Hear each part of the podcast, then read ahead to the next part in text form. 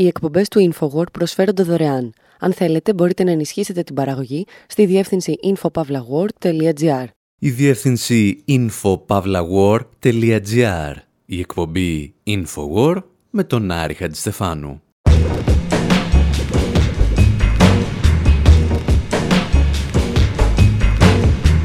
όπου σήμερα αναρωτιόμαστε εάν ο Μπόνο των YouTube αποτελεί τη μεγαλύτερη σκατούλα στην ιστορία της ροκ μουσικής. Και για να είμαστε δίκαιοι, διασταυρώνουμε την πληροφορία με τουλάχιστον τρεις πηγές. Θυμόμαστε έναν τραγουδιστή που κάποιοι νόμιζαν ότι είναι επαναστάτης και κάποιοι αντεπαναστάτης, ενώ ο ίδιος απλώς δεν καταλάβαινε ούτε σε ποια πόλη τραγουδούσε. Θυμόμαστε πώς είναι να σε προτείνουν για πρόεδρο της Παγκόσμιας Τράπεζας και εσύ να περνάς τον καιρό σου στον Ταβός με τους ομοίους σου. Με ανθρώπους δηλαδή σαν τον George Bush. Ζητάμε για όλα αυτά τη γνώμη του Roger Waters των Pink Floyd, του South Park και του σκητσογράφου Latouf.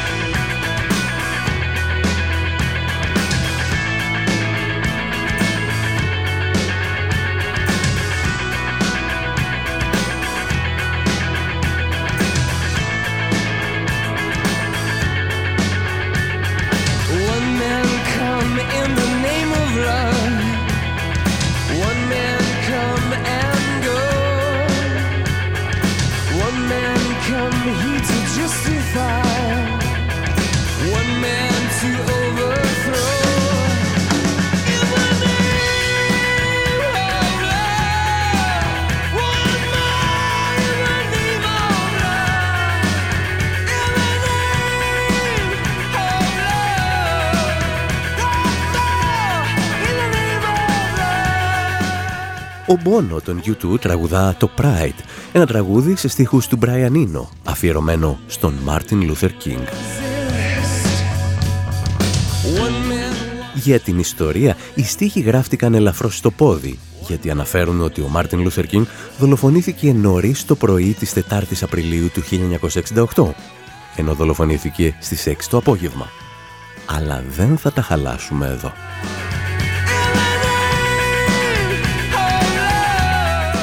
Το βασικό μας πρόβλημα είναι ότι ο Μπόνο σκυλεύει εδώ και χρόνια το μήνυμα του τραγουδιού για πολιτικούς λόγους. Όπως όταν το τραγουδούσε στην ορκομοσία του Αμερικανού Προέδρου Μπαράκ Ομπάμα.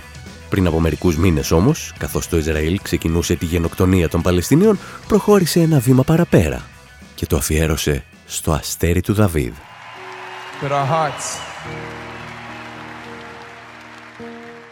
and our anger you know where that's pointed. So sing with us. And those, those beautiful kids at that music festival.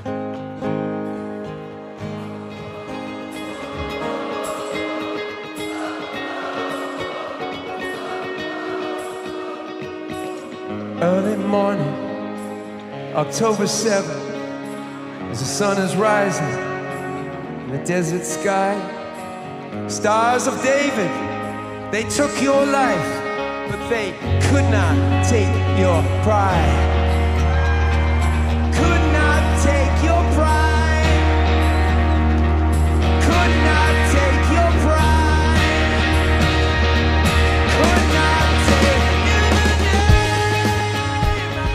Το πρωινό της 7η Οκτωβρίου τραγουδείσε ο Μπόνο αστέρια του Δαβίδ σας πήραν τη ζωή αλλά δεν μπόρεσαν να σας πάρουν την περηφάνεια.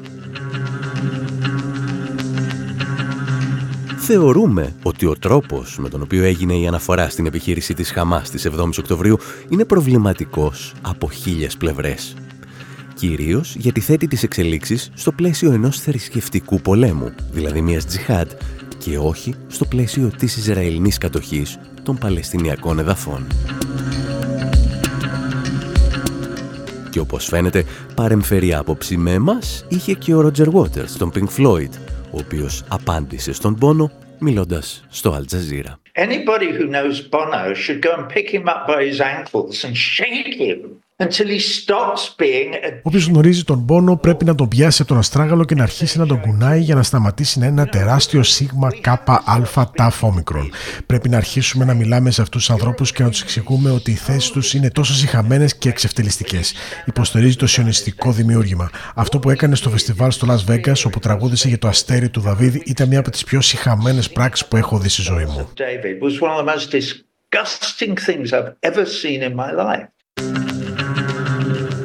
Για το αν ο Μπόνο είναι ένα τεράστιο σκατό, όπως υποστηρίζει ο Ρότζερ Waters, θα μας επιτρέψετε να ζητήσουμε και μια δεύτερη γνώμη στη συνέχεια της εκπομπής.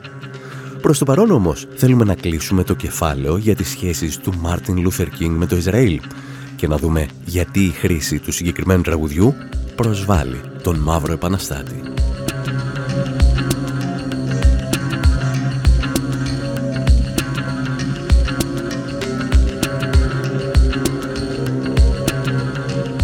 Εδώ και χρόνια οι υποστηρικτές του Τελ Αβίβ παρουσιάζουν συγκεκριμένες φράσεις του Μάρτιν Λούθερ Κίνγκ στις οποίες μιλά για το δικαίωμα ύπαρξης του κράτους του Ισραήλ.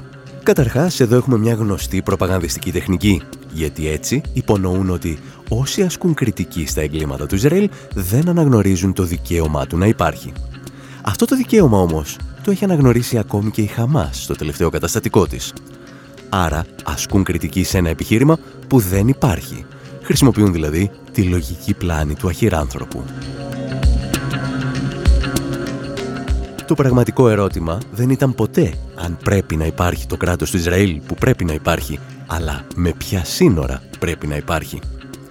Οι θέσεις του Μάρτιν Λούθερ Κίνγκ για το θέμα και για το Ισραήλ γενικότερα αλλάζουν δραστικά στις 5 Ιουνίου του 1967, όταν το Ισραήλ πραγματοποιεί τον επιθετικό πόλεμο των 6 ημερών. Όταν το Ισραήλ εξαπολύει την επίθεση εναντίον όλων των γειτόνων του, ο Μάρτιν Λούθερ Κίνγκ προγραμμάτιζε μια μεγάλη περιοδεία στο Ισραήλ. Ο πόλεμος όμως θα αλλάξει τα σχέδιά του, αλλά και τις απόψεις του για το Μεσανατολικό. Τα εξηγούσε ο δημοσιογράφος Garrison Hayes από το περιοδικό Mother Jones. This trip to Israel was going to be huge. Records indicate that he planned to preach a sermon from the Mount of Olives, the place where Jesus ascended into heaven. He plans to Αυτό το ταξίδι στο Ισραήλ θα είχε τεράστια σημασία. Ο ίδιος θα έκανε το κήρυγμά του από το όρος των Ελαίων, το σημείο από το οποίο ο Ιησούς ανέβηκε στους ουρανούς. Αυτή θα ήταν η στιγμή του Μωυσή για τον Μάρτιν Λούθερ Κίνγκ. Λίγες εβδομάδες νωρίτερα όμως, το Ισραήλ πραγματοποίησε μια προληπτική επίθεση εναντίον φιλοπαλαιστινιακών χωρών της Αιγύπτου, της Συρίας και της Ιορδανίας. Ήταν ο πόλεμος των έξι ημερών, στον οποίο σκοτώθηκαν 800 Ισραηλινοί και 18.000 Άραβες σε λιγότερο από μια εβδομάδα. Ο πόλεμος άλλαξε το χάρτη της περιοχής καθώς το Ισραήλ κατέλαβε τέσσερις φορές περισσότερα εδάφη από όσα κατείχε στο παρελθόν. Κατέλαβε την Ιερουσαλήμ και τοποθέτησε στρατεύματα κατοχής στη λωρίδα της Γάζας.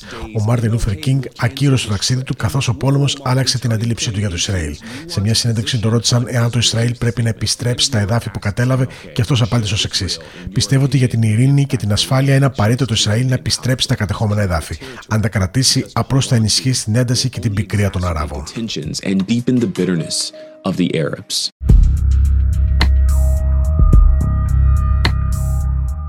Η συγκεκριμένη συνέντευξη του Μάρτιν Λούθερ Κίνγκ αποκρύπτεται επιμελώς εδώ και δεκαετίες. Όπως αποκρύπτονται και όλες οι τελευταίες ομιλίες του, στις οποίες δεν ήταν πλέον ο Απόστολος της μη βίας, αλλά ένας σκληρός επικριτής του καπιταλισμού και της αμερικανικής εξωτερικής πολιτικής. Όταν λοιπόν ο Μπόνο χρησιμοποιούσε ένα τραγούδι αφιερωμένο στον Μάρτιν Λούθερ Κίνγκ για να μιλήσει για το αστέρι του Δαβίδ και την επιχείρηση της Χαμάς, αλλοίωνε τα λεγόμενα του μαύρου ηγέτη. Ο Μάρτιν Λούθερ Κίνγκ θα μας εξηγούσε ότι τα εδάφη στα οποία πραγματοποιήθηκε η επιχείρηση της Χαμάς ανήκαν στους Παλαιστίνιους και όχι στο Ισραήλ. Και αν το Ισραήλ τα είχε επιστρέψει, δεν θα είχε συμβεί τίποτα από όσα παρακολουθούμε τους τελευταίους μήνες. Και αρκεί αυτό, θα μας ρωτήσετε, για να χαρακτηρίσουμε τον Μπόνο ως το μεγαλύτερο σκατό της ιστορίας, όπως έκανε ο Roger Waters. Όπως είπαμε, θελήσαμε να πάρουμε και μια δεύτερη γνώμη. Γι' αυτό απευθυνθήκαμε στο South Park.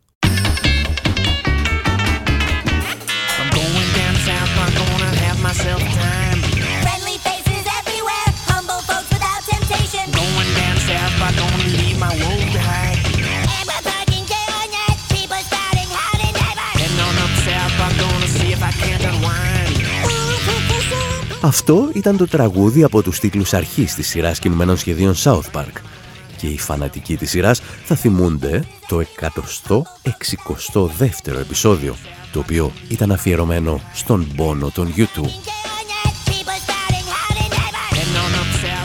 Στο επεισόδιο υπάρχει μια αντιπαράθεση για το ποιος κατέχει το ρεκόρ του μεγαλύτερου περιτώματος στον κόσμο.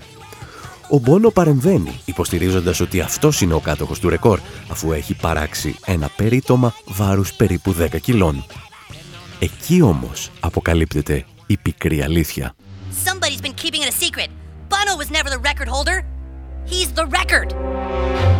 Ο Μπόνο, μαθαίνουμε, δεν είναι ο κάτοχος του ρεκόρ. Είναι ο ίδιος το ρεκόρ. Είναι δηλαδή το περίτωμα κάποιου άλλου. Πέρα από την πλάκα, το επεισόδιο συνοψίζει με εξαιρετικό τρόπο τη μεγαλομανία του τραγουδιστή των YouTube, τις σχέσεις του με την εξουσία και τη δίθεν φιλανθρωπία του. Και με αυτά τα προβλήματά του σκεφτήκαμε να ασχοληθούμε και εμείς σήμερα. Και θα ξεκινήσουμε και πάλι από τις Ηνωμένες Πολιτείες και μία από τις ταπεινωτικές ιστορίες στη μουσική, αλλά κυρίως στην πολιτική σταδιοδρομία του Μπόνο.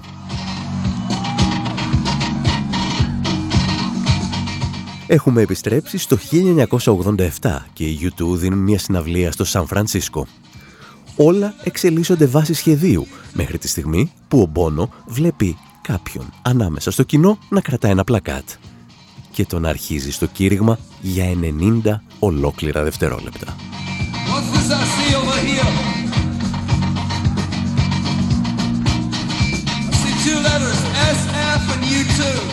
Τι βλέπω εκεί πέρα, βλέπω δύο γράμματα S, F και U2. Είναι το όνομα κάποιου κοριτσιού ή μήπως σημαίνει Sinn Féin, το πολιτικό σκέλος του Ισραηλινού Δημοκρατικού Στρατού. Γιατί αν αυτό σημαίνει, δεν ξέρω πώ έχετε το θράσος να κρατάτε αυτή την πινακίδα αυτή την εβδομάδα. Εσείς μπάσταρδοι αφήσατε 11 νεκρούς και 50 τραυματίες στο όνομα της ελευθερίας. Γαμιέ η ελευθερία. Δεν υπάρχει τίποτα ένταξο όταν μπαίνει σε έναν άνθρωπο και τον εκτελείς μπροστά στα παιδιά του. Και στο κάτω-κάτω, ποια ήταν η τελευταία φορά που ήρθατε στην Ιρλανδία; Και εγώ πιστεύω στην Ιρλανδία. Πιστεύω ότι μια μέρα η χώρα μου θα είναι ενωμένη, αλλά όχι με αυτόματα όπλα. Γι' αυτό λέω ως εδώ. Ο καθένας μπορεί να έχει οποιαδήποτε γνώμη θέλει για το Sinn Féin και τους αγώνες που έχει δώσει για την ανεξαρτησία της Ιρλανδίας από τους Άγγλους. Εδώ όμως υπήρχε ένα άλλο μικρό πρόβλημα. Το πλακάτ έγραφε SFU2, αλλά δεν εννοούσε Sinn Féin U2, εννοούσε San Francisco U2. Ίσως, λέμε εμείς με το φτωχό μυαλό μας, γιατί η συναυλία διεξαγόταν στο Σαν Φρανσίσκο. Σε εκείνο το σημείο, όποιος καταλάβαινε ελάχιστα από μουσική και λίγο περισσότερο από πολιτική, ίσως να οδηγούνταν στο συμπέρασμα ότι το παιδί είναι χαζό. Παρ' όλα αυτά, εκατομμύρια άνθρωποι σε όλο τον κόσμο πίστευαν για δεκαετίες ότι ο Μπόνο είναι ένας βαθιά πολιτικοποιημένος καλλιτέχνης που τάσεται πάντα στο πλευρό των αδυνάτων και των καταπιεσμένων, ενώ ενδιαφέρεται για το περιβάλλον, για τη φτώχεια και όλα τα δεινά της ανθρωπότητας. Και εμείς, στο δεύτερο μέρος εκπομπής, θα εξηγήσουμε γιατί τίποτα από αυτά δεν ισχύει. Εδώ όμως έχουμε και μια μικρή ανακοίνωση. Αν θυμάστε, για τη ζωή του Μπόνο είχαμε αναφερθεί και σε ένα από τα τηλεοπτικά Infowar που προβάλλονταν κάπου εκεί στο μακρινό 2007. Το τηλεοπτικό Infowar όμως επιστρέφει, ύστερα από σχεδόν δύο δεκαετίες. Εδώ και ένα χρόνο πραγματοποιούμε γυρίσματα στη Νέα Υόρκη και σε άλλες πόλεις και οι προβολές θα ξεκινήσουν το Μάρτιο στην τηλεόραση του Attica TV. Περισσότερες πληροφορίες όμως θα μπορούμε να σας δώσουμε τις επόμενες ημέρες και θα τις διαβάσετε πρώτοι στη σελίδα μας info.pavlawar.gr Οι εκπομπές του InfoWord προσφέρονται δωρεάν. Αν θέλετε μπορείτε να ενισχύσετε την παραγωγή στη διεύθυνση infopavlagor.gr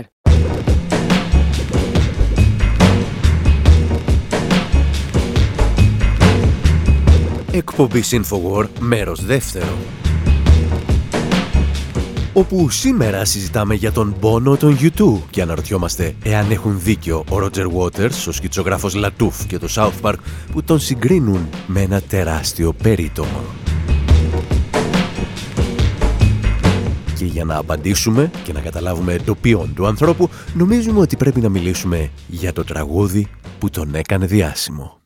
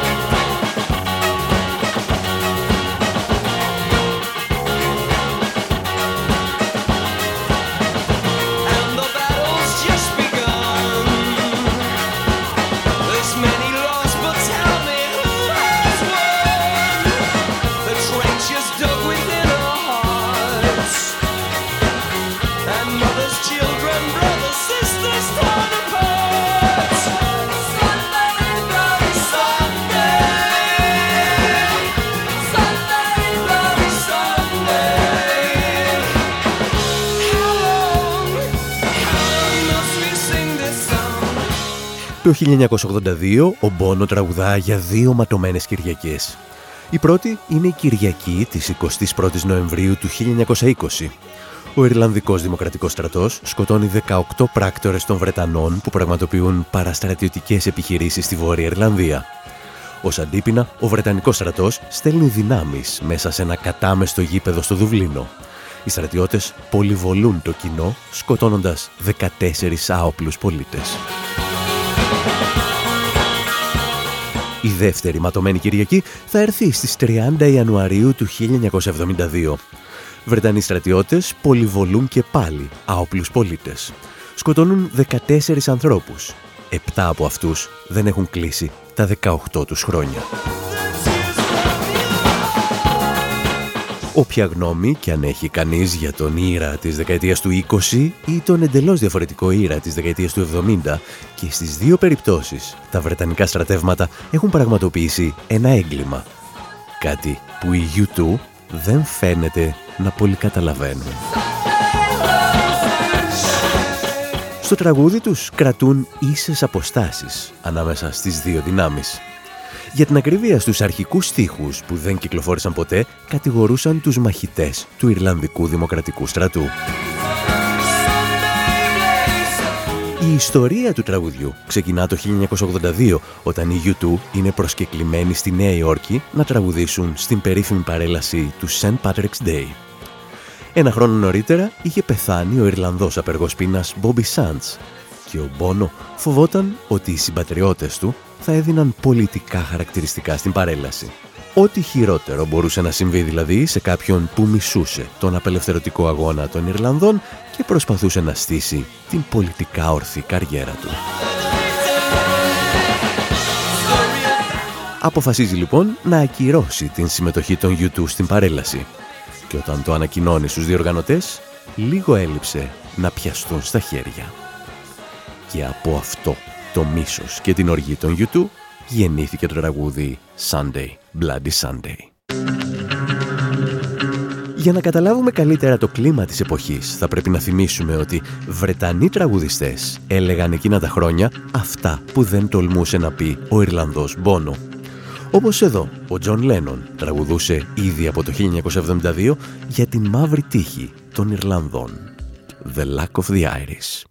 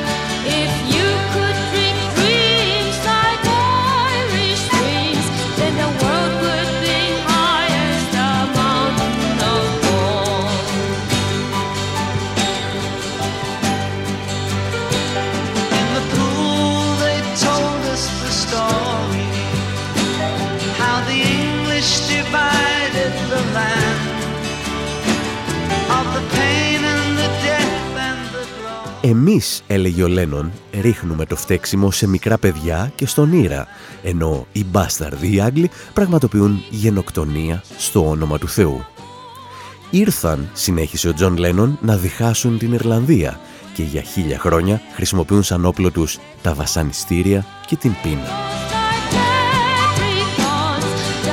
Παρεμπιπτόντως, ο Τζον Λένον θα γράψει και αυτός ένα τραγούδι με τίτλο «Sunday Bloody Sunday» μαζί με την Yoko Ono και εκεί, σε αντίθεση με τους YouTube, λέει τα πράγματα με το όνομά τους.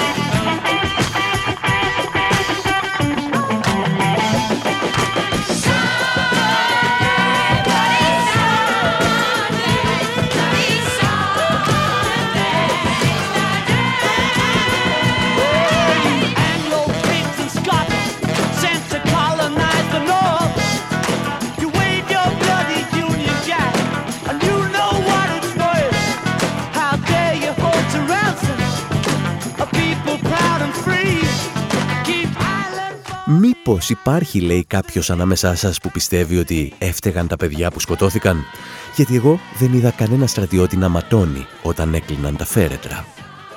Και ο Τζον Λένον δεν σταματά εκεί. Τα γουρούνια οι Άγγλοι και οι Σκοτσέζοι, λέει, ήρθαν να καταλάβουν τη Βόρεια Ιρλανδία. Έχετε τη ματωμένη σας σημαία και ξέρετε τι να την κάνετε. Γυρίστε στην πατρίδα σας και αφήστε την Ιρλανδία στους Ιρλανδούς. Δεν είναι για τη Βρετανική ή τη Ρωμαϊκή Αυτοκρατορία. Ένα τραγούδι που όπως μπορείτε να φανταστείτε οι περισσότερες δισκογραφικές εταιρείες που συνεργάστηκαν με τον Τζον Λένον προσπαθούν έκτοτε να ξεχάσουν.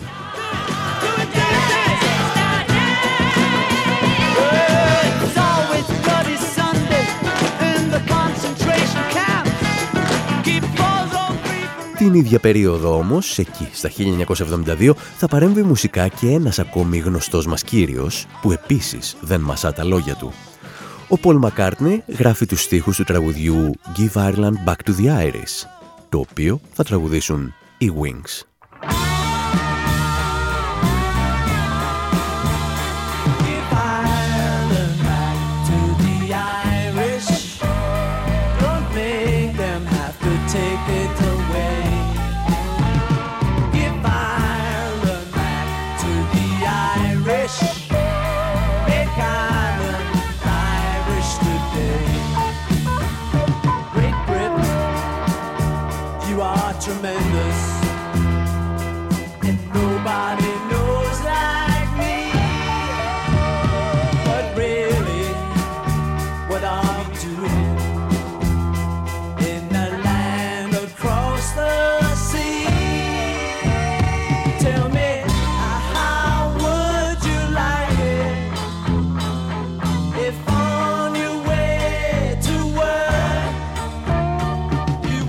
Πώς θα σας φαινόταν, λέει, αν ερχόντουσαν στη Βρετανία Ιρλανδοί στρατιώτες και σας ξάπλωναν στο δρόμο; Γιατί εγώ ξέρω κάποιον στην Ιρλανδία που μου μοιάζει και σκέφτεται τι να κάνει. Να μείνει ξαπλωμένος, να μην κάνει τίποτα ή να αντιδράσει σαν άνθρωπος. Εάν δεν καταλάβατε, ο Πολ Μακάρτνι καλούσε εμέσως τους Ιρλανδούς να συνεχίσουν την εξέγερσή τους απέναντι στα Βρετανικά στρατεύματα. Για να ανακεφαλαιώσουμε, με αφορμή τη ματωμένη Κυριακή, δύο Βρετανοί καλλιτέχνες καταδικάζουν τα εγκλήματα του Βρετανικού στρατού, ενώ ο Ιρλανδός Μπόνο και η U2 παρουσιάζουν ένα τραγούδι με βασικό χαρακτηριστικό το μίσος τους για τη δράση του Ιρλανδικού Δημοκρατικού στρατού. Σε περίπτωση λοιπόν που αναρωτιέστε πώς θα μπορούσε να εξελιχθεί ένας τέτοιος καλλιτέχνης, θα σας το θυμίσουμε εμείς. Με κουβέντες που λέγαμε γι' αυτόν και πριν από πολλά πολλά χρόνια.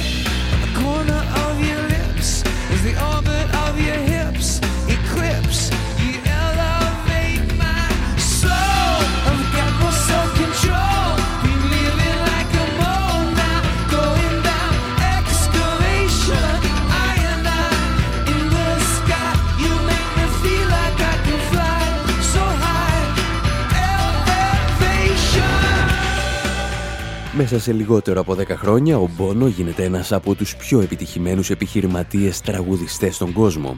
Φτάνει μάλιστα στο σημείο να αγοράσει το 40% του περιοδικού Forbes, μιας εκ των βίβλων του σύγχρονου αμερικανικού καπιταλισμού.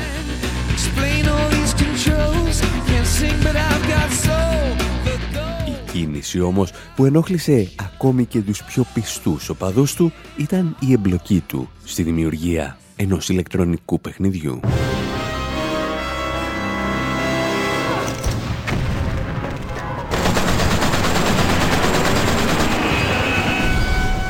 Ο Μπόνο χρηματοδότησε την εταιρεία Pandemic που ειδικεύεται σε video games και η οποία έχει συνεργαστεί και με το Πεντάγωνο και τη CIA.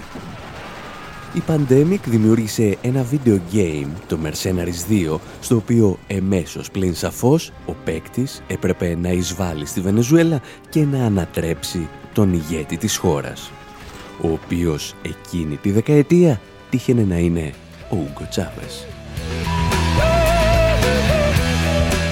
Με μια τόσο λαμπρή πορεία στον κόσμο των επιχειρήσεων δεν ήταν τυχαίο ότι μερικά χρόνια αργότερα ο Μπόνο προτάθηκε ακόμη και για πρόεδρος της Παγκόσμιας Τράπεζας και τον πρότειναν άνθρωποι όπως ο Αμερικανός πρώην Υπουργός Οικονομικών Πολ Ονίλ. Δεν θα αναφερθώ σε όλους τους υποψήφιους, αλλά θα εκφράσω το θαυμασμό μου για τον πόνο. Οι περισσότεροι το γνωρίζουν σαν rockstar. Είναι όμως και rockstar του αναπτυσσόμενου κόσμου.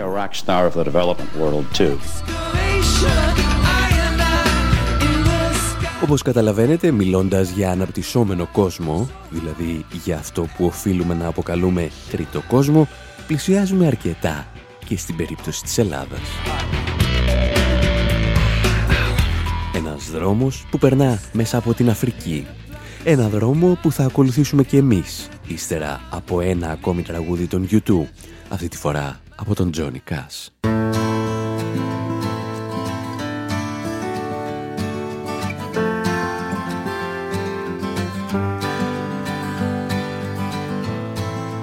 Is it getting better? Or do you feel the same? Will it make it easier on you now? You got someone to blame. You said one love, one life, when it's one need in the night. One love, we get to share it. It leaves you, baby, if you don't care for it.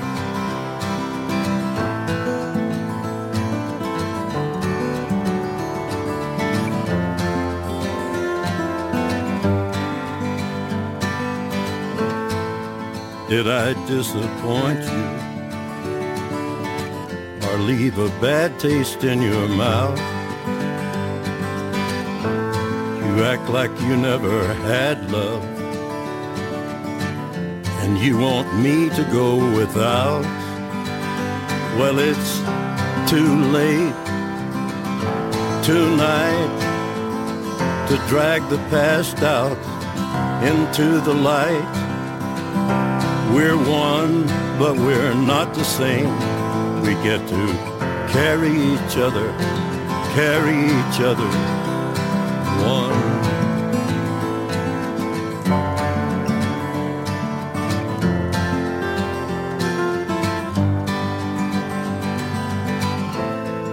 Have you come here for forgiveness? Have you come to raise the dead? Have you come here to play Jesus? To the lepers in your head? Did I ask too much? More than a lot? You gave me nothing now. It's all I got. We're one, but we're not the same. Well, we hurt each other, and we're doing it again. You say love is a temple, love a higher law. Love is a temple, love the higher law. Στην εκπομπή Infowar με τον Άρη Χατζηστεφάνου θυμόμαστε την πορεία του Μπόνο των U2 από την εποχή της αμφισβήτησης προς τους διαδρόμους της Παγκόσμιας Τράπεζας και του Φόρουμ του Νταβός και ένα σημείο σταθμό σε αυτή την πορεία ήταν οι μεγάλες συναυλίες της δεκαετίας του 80 και του 90 για την Αφρική. We're an Irish band. We come from Dublin City, Ireland.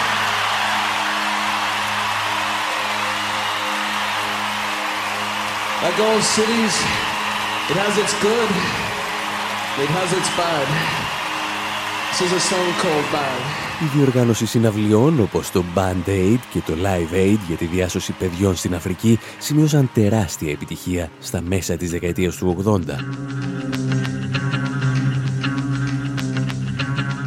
Το εγχείρημα όμως επαναλήφθηκε και στον 21ο αιώνα με τους ίδιους πάνω κάτω πρωταγωνιστές, καλλιτέχνες όπως ο Μπόνο και ο Γκέλτοφ.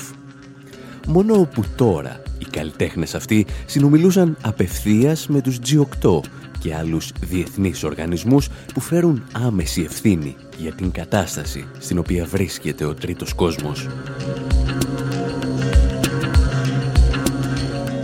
Ευτυχώς, αυτή τη φορά, μια νέα γενιά στοχαστών και συγγραφέων ήταν έτοιμη για να αμφισβητήσει το αποτέλεσμα αυτών των προσπαθειών, όπως έκανε ο γνωστός Βρετανός αναλυτής George Monbiot. The Live Aid and Make Poverty History campaigns in many ways were taking us back οι διοργανώσεις όπως το Live Aid και το Make Poverty History μας γυρίζουν πίσω στην Εδουαρδινή εποχή που χαρακτηρίζεται από τη φράση τσάι και συμπάθεια. Οι πολιτικές κοινοποιήσει αντικαθίστανται από φιλανθρωπικές διοργανώσεις. Παρουσιάζουν μάλιστα τους G8 σαν είναι οι σωτήρες του κόσμου.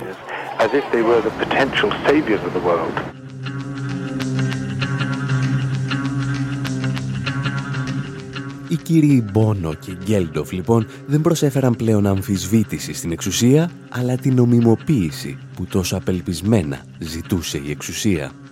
Ό,τι και αν έλεγαν οι ίδιοι ήταν απλώς αυλοκόλακες με ένα ελαφρώς αντικομφορμιστικό προφίλ. Sometimes I'm on the street demonstrating, sometimes I'm backstage demonstrating. Μερικές φορές είμαι στο δρόμο και uh, διαδηλώνω. Uh, Μερικές φορές διαδηλώνω στα παρασκήνια. Οπουδήποτε με χρειάζονται και είμαι πιο αποτελεσματικός. Wherever they want me to, to be most effective.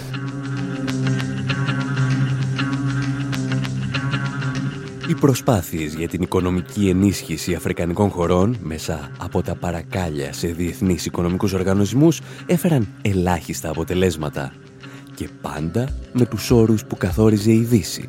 Τα εξηγούσε μάλιστα και ο ίδιος ο Μπόνο. And I think what we do is we increase aid flows to countries that are tackling corruption and we don't αυτό που κάνουμε είναι να ενισχύσουμε τη βοήθεια προς χώρες που θέλουν να αντιμετωπίσουν τη διαφθορά. Δεν δίνουμε χρήματα σε αυτές που δεν το κάνουν. Ήρθε η στιγμή να σκληρύνουμε τη στάση μας. Δεν είμαι ένας φιλελεύθερος που η καρδιά μου ραγίζει από τον πόνο. Δεν είμαι κανένας χύπη με λουλούδια στα μαλλιά. Που έρχομαι από τη μουσική σκηνή της punk rock και λέω ας κόψουμε τις μπουρδες. Αν δουλεύει αυτό που κάνουμε, ας το συνεχίσουμε. Εάν δεν δουλεύει, να το σταματήσουμε. If it works, let's get more of it. If it doesn't work, let's stop.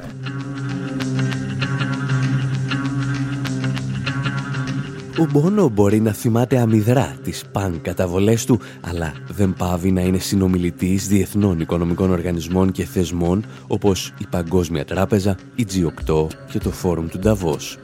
Είναι δηλαδή στην πλευρά αυτών που βήθησαν ολόκληρες χώρες, στην παγίδα του χρέους, προκειμένου στη συνέχεια να ξεπουλήσουν την περιουσία αυτών των χωρών